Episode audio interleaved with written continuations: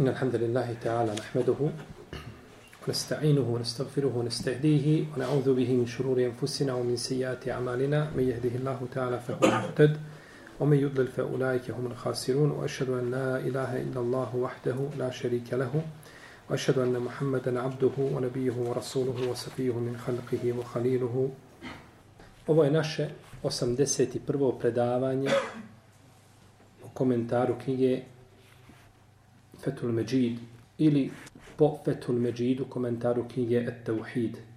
Ovdje je autor naslovio poglavlje ajetom u kome uzvišeni Allah tabarak ta'ala kaže يظنون بالله غير الحق ظن الجاهلية يقولون هل لنا من الأمر من شيء قل إن الأمر كله لله يقولون بأفواههم ما ليس في قلوبهم والله أعلم بما يكتمون يظنون بالله غير الحق ظن الجاهلية. يقولون هل لنا من الأمر من شيء؟ قل إن الأمر كله لله. يخفون في أنفسهم ما لا يبدون لك. يقولون هل لنا من الأمر من شيء؟ يقولون لو كان لنا من الأمر شيء ما قتلنا ها هنا. قل لو كنتم في بيوتكم لبرز الذين كتب عليهم القتل إلى مضاجعهم. وليبتلي الله ما في صدوركم وليمحص ما في قلوبكم والله عليم bidati sudu. Misleći o Allahu ono što nije istina, mislima paganstva, govoreći imamo li mi ikakva udjela u pobjedi. Reci sva pobjeda pripada samo Allahu. Oni u sebi kriju ono što tebi ne pokazuju. Govore da smo ikakva udjela u pobjedi imali, ne bismo ovdje izginuli. Reci i da ste u kućama svojim bili, opet bi oni kojima je propisano da poginu, izišli na mjesta pogibije svoje, da Allah iskuša šta je u grudima vašim i da ispita šta je u srcima vašim, a dobro Allah zna je li ono što u grudi kriju. I kaže uzvišeni Allah, el billahi vanne sav, alejhim dairetu sav, koji o Allahu zlo misle, nad njima je krug zla. Ovaj ajet koga smo citirali prvi, on je došao kao analiza događaja ili bitke na Uhudu. Gdje uzvišeni Allah kaže ثم أنزل عليكم من بعد الغم أمنة نعاسا يغشى طائفة منكم وطائفة قد همتهم أنفسهم يظنون بالله dalje ajet koga smo spomenuli. Pa autor nije spomenuo te ajete, znači odavde, nego je znači uzeo onaj dio koji je znači potreban kao argument. Ovdje se kaže, zatim vam je poslije nevolje spokojstvo na vas spustio i san koji je neke od vas obuzeo. Spustio je znači na, na, na, na, na muslimane, na mu'mine, na one koji su bogobojazni i koji su znači ubjeđeni u Allahovo obećanje da će se ispuniti, spustio je na njih smiraj i spustio je da ih, a, i dao je da ih san obuzme. A san u džihadu je velika blagodat. Nema veće blagodati u džihadu od sna. Da se ljudi odmore. Jer uglavnom se ne mogu odmoriti. I kada se odmore, znači, onda bivaju sigurno spremni, jel tako, za borbu. za razliku od skupine u taifetun kada hemmetum enfusuhum, a jedna grupa je samo brinula sama o sebi. To je grupa na koju Allah nije spustio ni smiraj, niti ih je obuzeo san, nego su tako u tom svom nekakvom nemiru duševnom cijelo vrijeme znači provodili i u nekakvim sumnjama šta će se desiti u iščekivanjima, koja će strana biti bolja i kome nakon toga da se priklone i slično, slično tome. ben valentum elen kalibar rasul wal mu'minuna ila ehlihim ebeden Ozunjene zalike fi kulubikum, o zanentum zanne seu, o kuntum kao membura. Ščak ste mislili da se poslanik i vjernici nikada neće vratiti svojim porodicama, a, vaša su srca bila zadovoljna zbog toga i vi ste zlo mislili i vi ste narod pokvaren.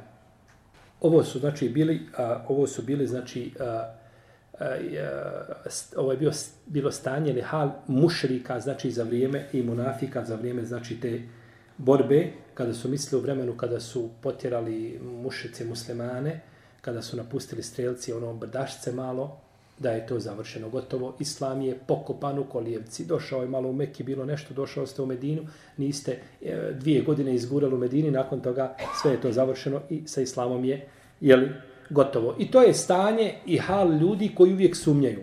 Dok pogodi nešto muslimana, on mrtvim jezikom kaže, pa što sam musliman?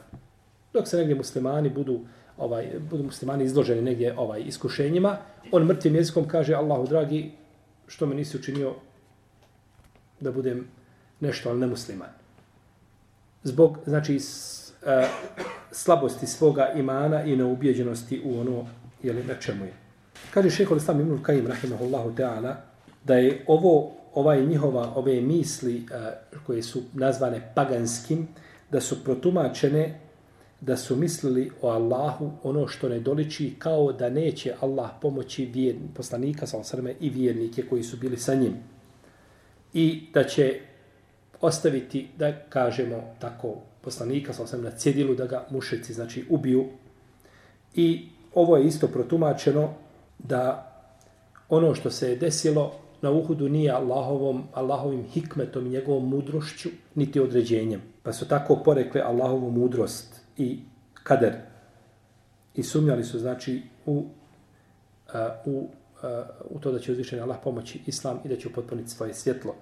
I to uzvišenje Allah spominje i na drugom mjestu pa kaže o الْمُنَافِقِينَ وَالْمُنَافِقَاتُ وَالْمُشْرِكِينَ wal-munafiqat wal-mushrikina ظَنَّ السَّوْءِ عَلَيْهِمْ دَائِرَةُ السَّوْءِ وَقَدِبَ wa عَلَيْهِمْ wa وَعَدَّ jahannama wa وَسَاءَتْ masira.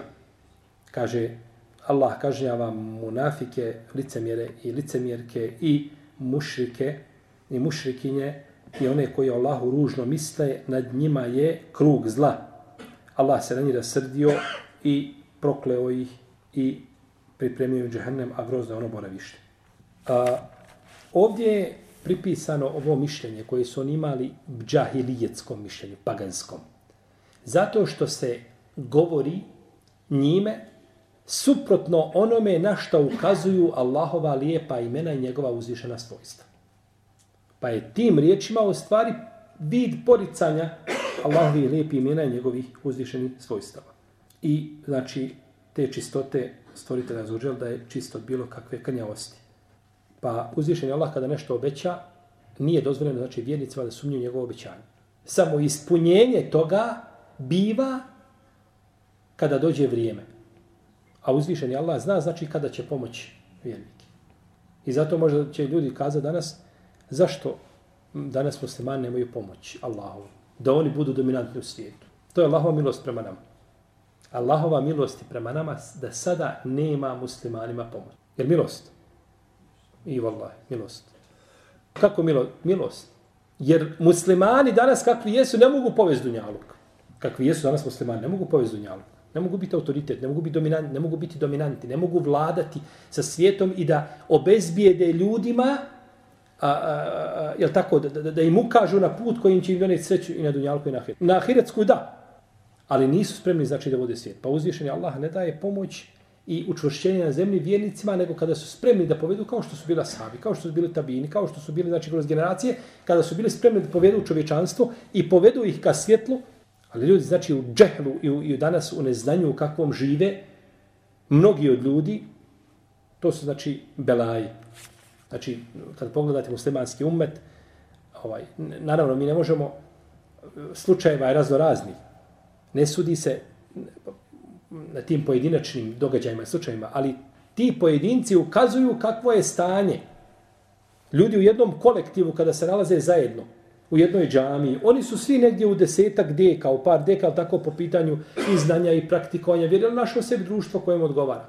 Priča mi čovjek, kaže, jedne godine jedan se hađija izgubio na refatu, jedan mi daje priče. I kaže, kada su ga našli, jedva ga našli, tako po refatu, dok su ga našli, kad su mu našli, kaže, hajr, inšala, da bude hajr. Možda Allah želi u tome hajr. I kada su mu to kazali, on je opsao Allaha za Na refatu. To je jedan od primjera, ne mora znaš, ne sudi se tu svim ljudima. Ali, ali to, su, to su primjeri koji su koji utječu na, na, na, na, na kompletne te ljude koji se tu nalaze. Dođeš u, u, u, negdje u sobu, pokucaš, iziđe žena hađinca, otkrivena, kao pre svojim mužem, kao da je i razgovara s tobom. Ti stranac čovjek prema njom. Kaže mi, ovaj mi je brat da je pričao, kaže, jedne smo prilike, kaže, došli da iziđu ljudi iz soba, trebamo ući u sobe. I kaže nam organizator, taj kaže, jeste vaše su sobe i vi zaslužujete, ali kaže, ja ne mogu istirati moje hađije, neće da iziđu. Idite vi, kaže, gore sa koferima i kucajte i kažete, bojite se Allaha, Allaho i robovi, to sada naše sobe, mi trebamo preuzeti, vi trebate izići, niste više platili. I kaže, kada vide vaše te kofere, kaže, možda se smiluju pa da iziđu. I kaže, mi gore stvarno s koferima, kaže, pokucali. Kaže, pokucali smo na vrata, kaže, izišlo je, kaže, skupina žena, kaže, gornji dio kao od majke kad su rođene. Samo pantalone imaju na sebi. I kaže, i raspravljaju se, kaže, i otjera nas sviju, kaže, morali smo pokupiti, kaže, silom prilika, kad su vidjeli takve, morali pobići. To je, to je jedna skupina ljudi koji došli na hađ. Mi ne kažemo da su takvi svi ljudi, Bože sačuvaj, ali to ukazuje na, na, na, na da džehl i da takvog džehla ima pred ljudima takvog ili manjeg ili većeg od toga jako puno je rasprostranjeno. I onda mi kažemo, mi bismo sada poveli da mi, po... šta ćemo pokazati ljudima? Pa uzvišen je Allah kada vidi u jednom narodu odlučnost, i spremnost, e onda im daje, vi ste spremni da budete moje halife, moji namjesnici na zemlji. A u protivnom budite tu negdje na zemlji, živite, u hajru ste dok, dok imate teuhid pri sebi, pokorni ste Allahu, vi ste u hajru, ućete u džennet ako Bog da, ali da budete namisnici, ne. Pa uzvišen je Allah te barak je utala, znači, ovaj je nazvao ovdje džehlom, ovim džahilijetom, zato što ljudi ne poznaju Allahova imena i niti njegova svojstva i pripisuju mu ono ili što mu ne priliči. I ko pomisli da će uzvišeni Allah dozvoliti da se pomiješa Kur'an i sunnet, e, da se pomiješa, proste, kitab i širk. Znači, da bude Eh, širk i teuhid, da bude isto. I da neće pomoći svoju vjeru. O Allahu misli ružno. I onaj ko smatra da se stvari dešavaju Allahovom odredbom i njegovim znanjem i da on motri na sve što se dešava, on ima o Allahu isto tako ružno mišljenje i ne zna Allahov rububijet. Isto tako, većina ljudi danas ima o Allahu ružno mišljenje.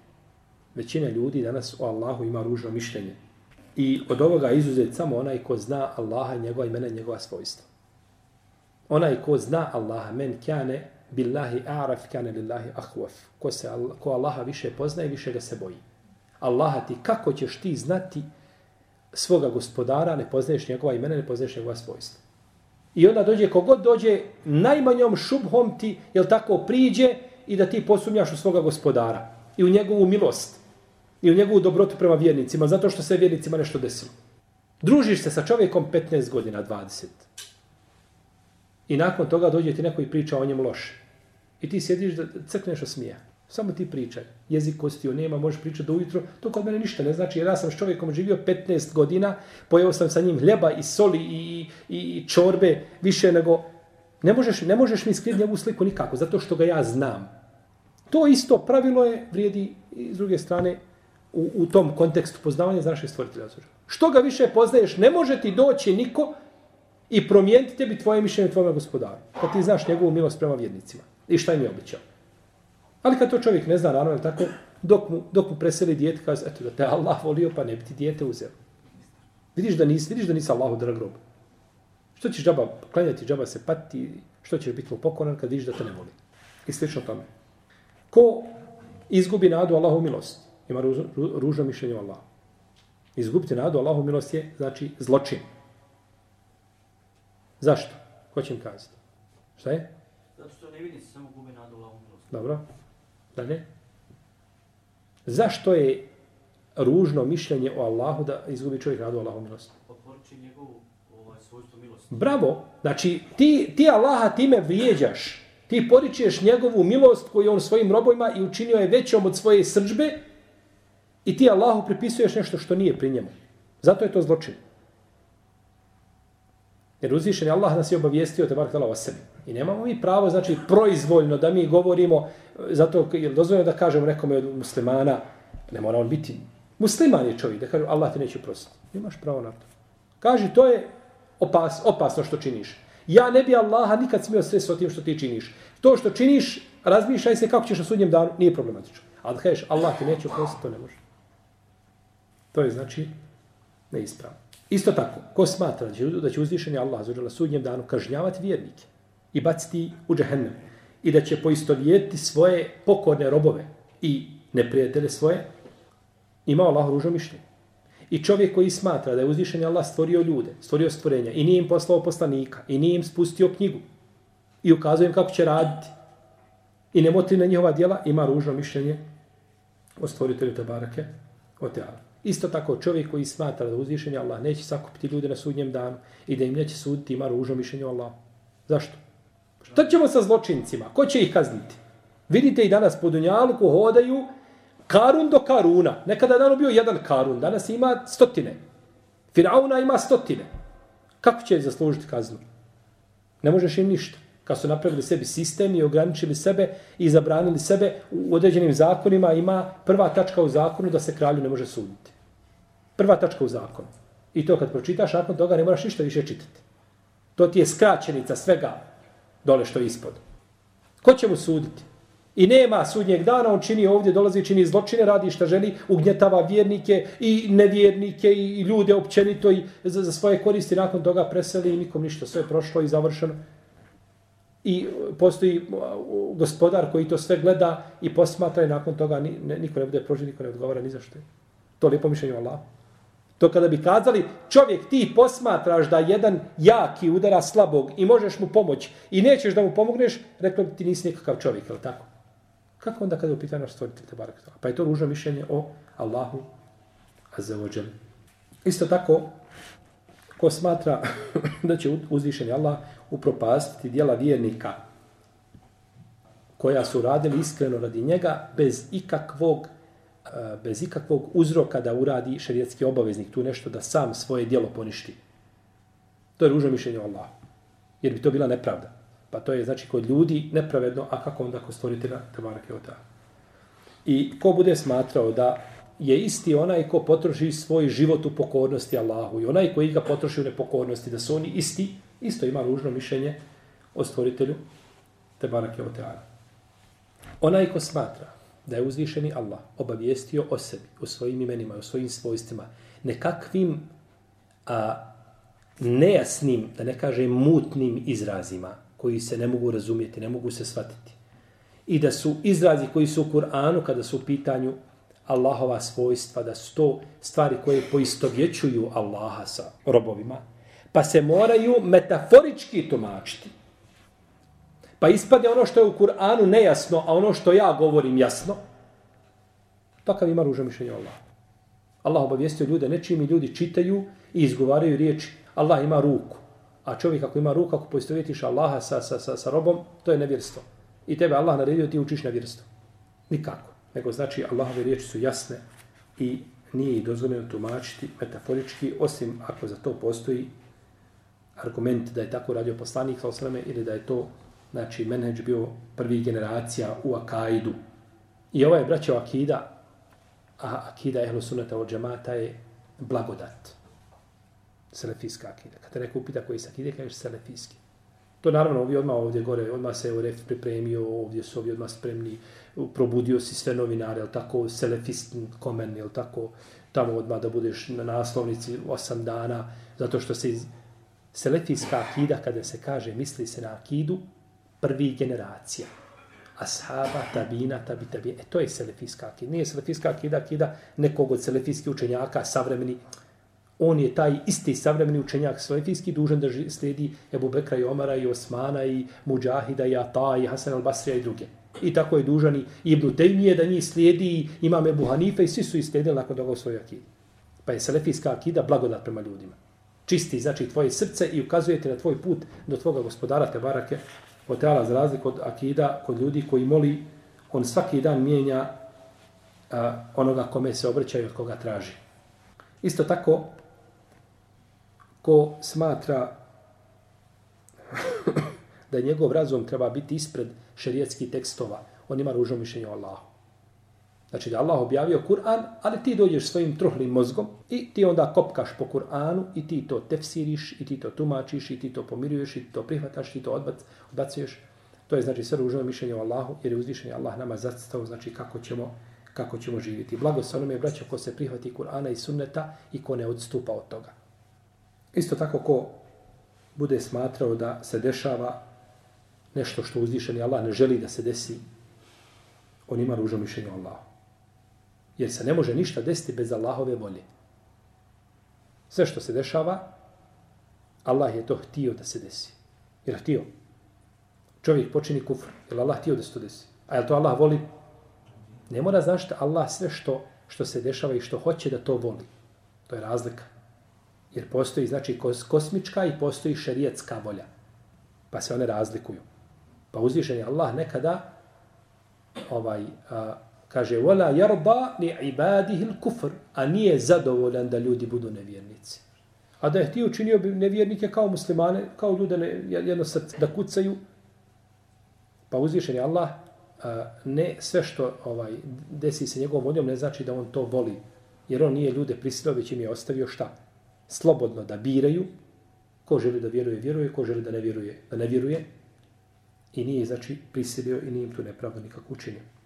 Isto ko smatra da Allah ne čuje, da ne vidi, da ne posmatra svoje robove, da ne zna o svojim stvorenjima ništa, ne zna koliko ima nebesa, koliko ima zemalja, ne zna koliko ima stvorenja, ne zna koliko ima mm, sazvježdja i tako dalje.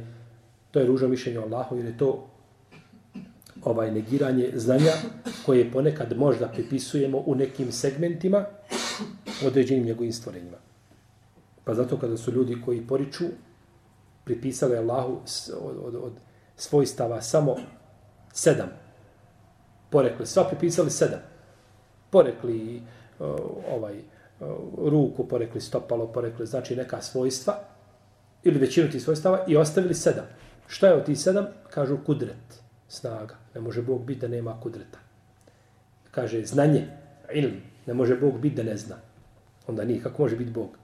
A šta je još? Kažu život. Ne može Bog biti mrtav. I tako neka svojstva koja su nužna, ako ih poreknu, onda ih nema nigdje. Pa su svojim razumima šta? Sudili čemu? Svojstvima. Ne sudi razumom živio. Tu razum nema nikakvog udjela. Razum nema nikakvog udjela kada su pitanje. Imaš samo da potvrdiš ono što je Allah rekao i, i nakon toga čovjek se odmori. Znači, neće se umarati. Na sudnjem danu, robe moji, zašto si rekao da ja imam stopalo? Gospodar moj, obavijestio me naš poslanik o tome, rekao da ti imaš stopalo. Dok kažeš to stopalo je nešto dugo, ti ga protefsiriš nečim drugim, moraš se pravdati. Pa je čovjek, znači, dužnost da se... I to je, bio, to je bila praksa Selefa. Nećete naći u prve tri generacije jednog alima, ni pola alima. Mi smo govorili ovim momcima što su, što metaforički tumače svojstva, što su kazali, dođite nam sa jednim alimom u prva tri stoljeća. Najbolja ulema. Jedan da je... Pro kazao metaforički da je protumačio jedno Allahovo svojstvo.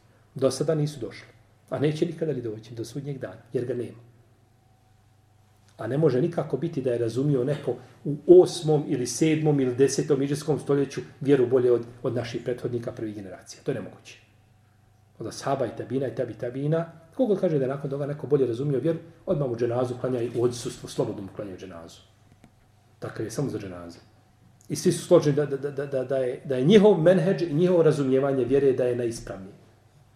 Pa ne mogu sad onda da nakon toga se kaže ovaj, ovaj da je menheđ halefa tih poznijih generacija ovaj mudri.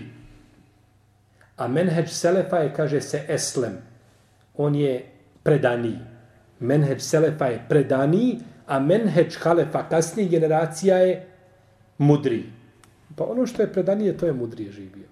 Predanije to je mudrije. Što se više Allahu predan, to je mu. To, je, to, je, to, ti, je, to ti je suština e, mudrosti da budeš Allahu predan. Tako da čovjek treba pripisati stvoritelju ono što je sebi pripisao. Da barak je teala. Isto tako ko kaže da Allah azza wa jalla nije iznad arša. Allah je tebar tala svojim bićem iznad arša.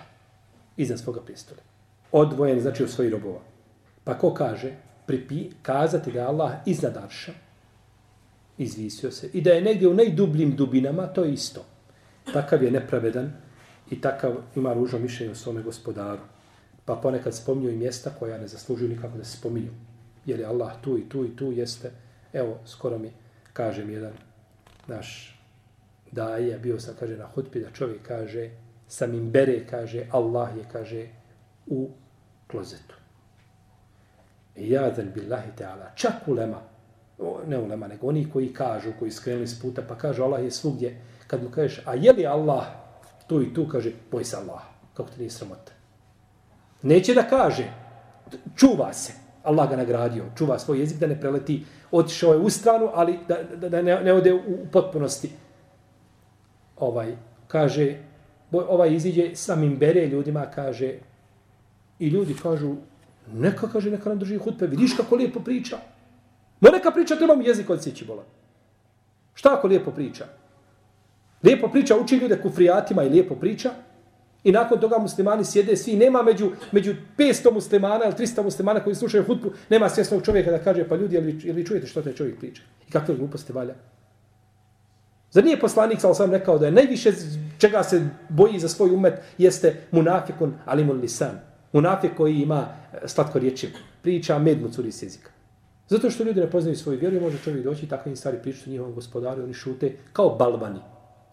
Isto tako, ko kaže Subhana rabbijel esfel. Po subhana rabbijel a'la. Neka je slavljen moj uzvišeni gospodar i neka je slavljen moj gospodar koji je u najnižim dubinama. Ko kaže da su te dvije stvari iste, on je nepravedan. I on je, i on je ovaj, Allahu ima ružno mišljenje jer nije spoznao njegovo svojstvo uzvišenosti. Znači da je uzvišen Allah te barak tela uzvišen iznad, iznad svojih stvorenja. I ko bude smatrao da uzvišeni Allah voli nepokornost i griješenje i nevjerstvo i da voli da se nered po zemlji čini kao što voli vjernike, takav je nepravedan i nije spoznao svojeg gospodara. I ko bude kazao da uzvišeni Allah ne voli, niti da je zadovoljan, niti da se srdi, niti da je ljut, niti da a, e, s nekim prijateljuje, niti sa nekim, da sa nekim ne prijateljuje, da nema znači ti osobina, takav je ovaj, o Allahu ima ružno mišljenje. Ili imate ljudi koji poriču Allahovo zadovoljstvo, e, svojstvo zadovoljstva, da je Allah zadovoljen s nekim. Ne, Allah je zadovoljen. Zadovoljen je s vjernicima. A nije zadovoljan, razljutio se i srdit je na one koji su mu nepokorni. A našto oni koji su tim nepokorstvom ušlo nevjerstvo.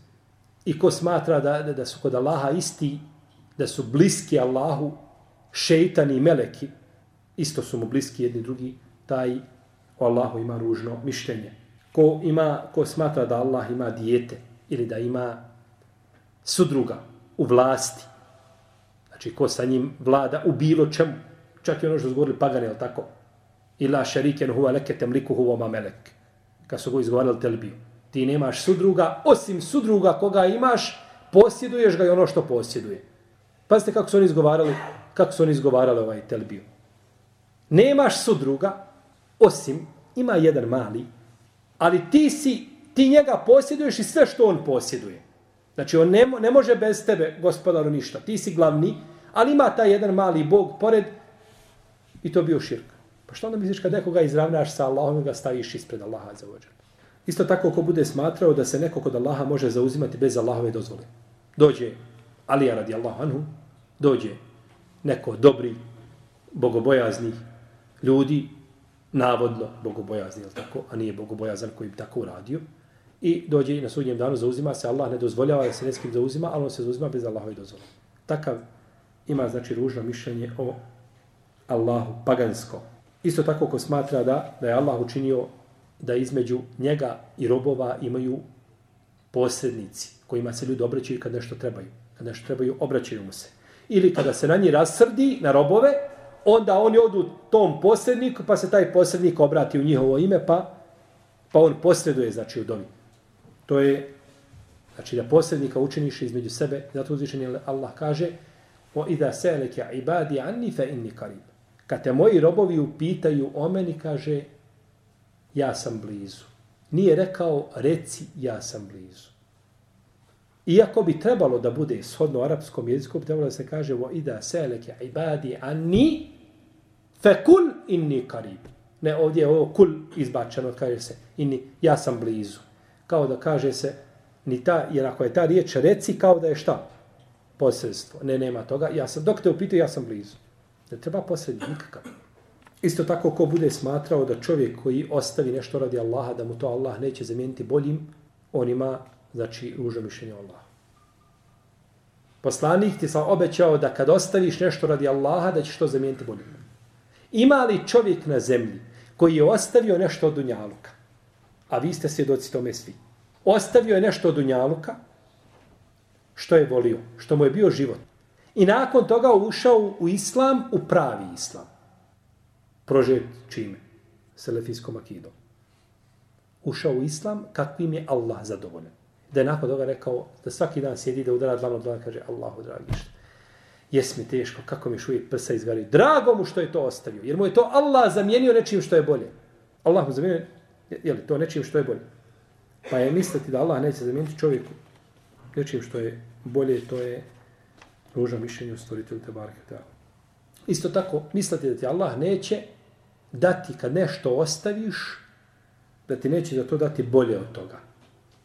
Na ahiretu. Ostaviš nešto radi Allaha, imat ćeš bolje na ahiretu od toga.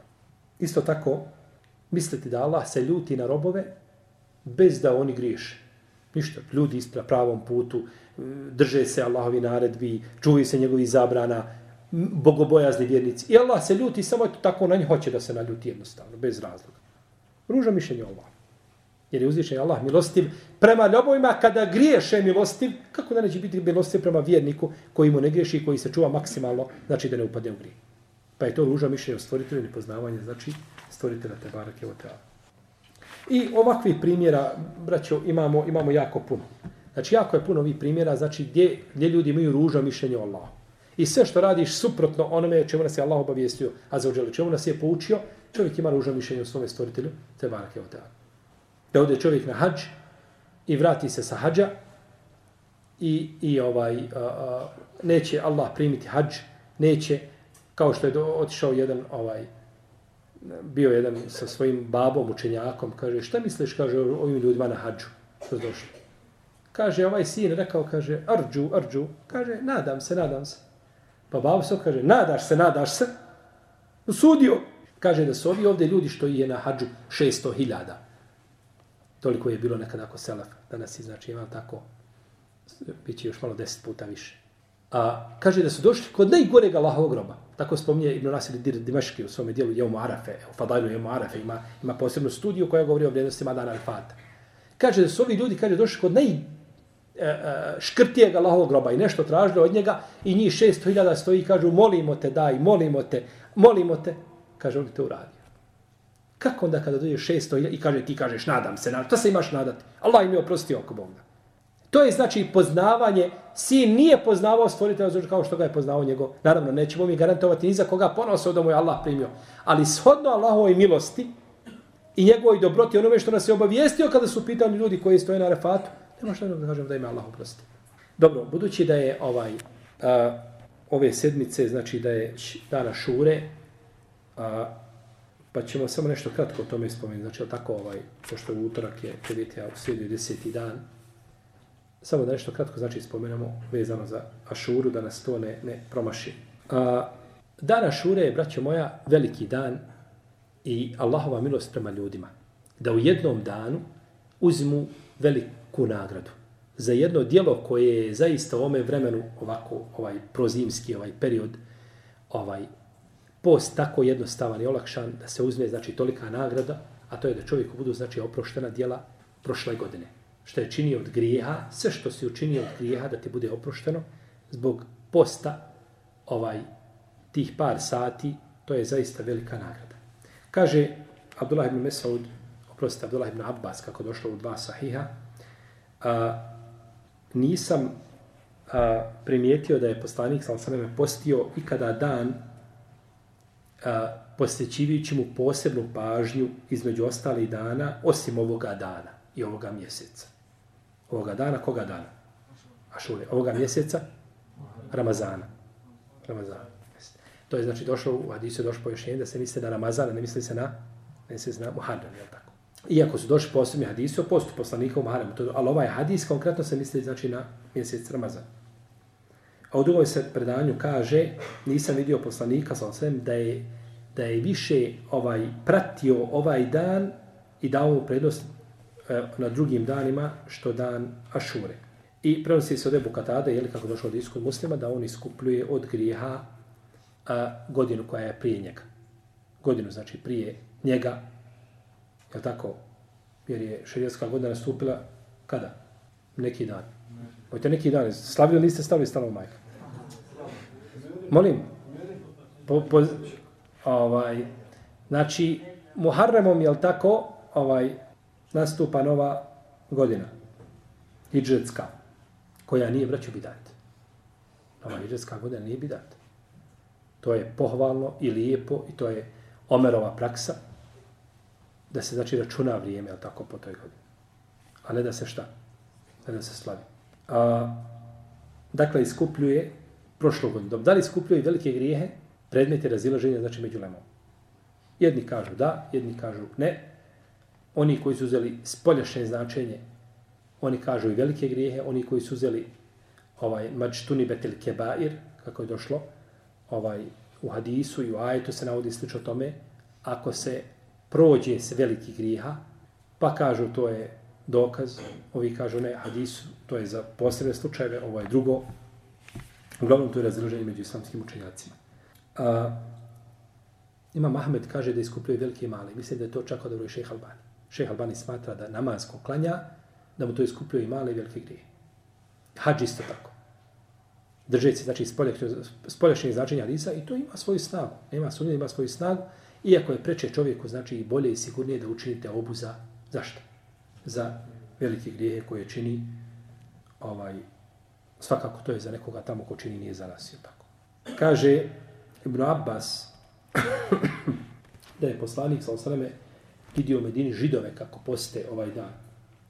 Pa je rekao, kaže, ja sam, pitao je zašto, kad su mu kazali, kaže, ja sam prečim u od vas, pa je naredio da se posti. Pa je naredio da se posti. Pa je post u prvo vrijeme dana Ašure bio vađib. Pa kada je propisan Ramazan, onda je rečeno da se posti ko želi da posti. Čak je poslanik sa jedne prilike rekao, kaže ljudima, danas je dana šure. Ko je jeo, neka više ne jede do kraja dana. A ko nije jeo, neka posti. Pa kada je propisan dana šure, kako kaže Aisha radijallahu ta'ala, onda je šta? Postio šuru ko je želio. Kada je, uprosti što sam rekao, kada je propisan Ramazan, onda je šuru postio ko je želio. Onda je šuru postio ko je želio. Imamo predanje da se na dana šure zaustavila Nuhova lađa na onome brdu, ali taj, taj vajet nije ispravno, je daif. On je daif. Ovdje imamo, nakon što je propisan post Ramazana, dokinut je post čega?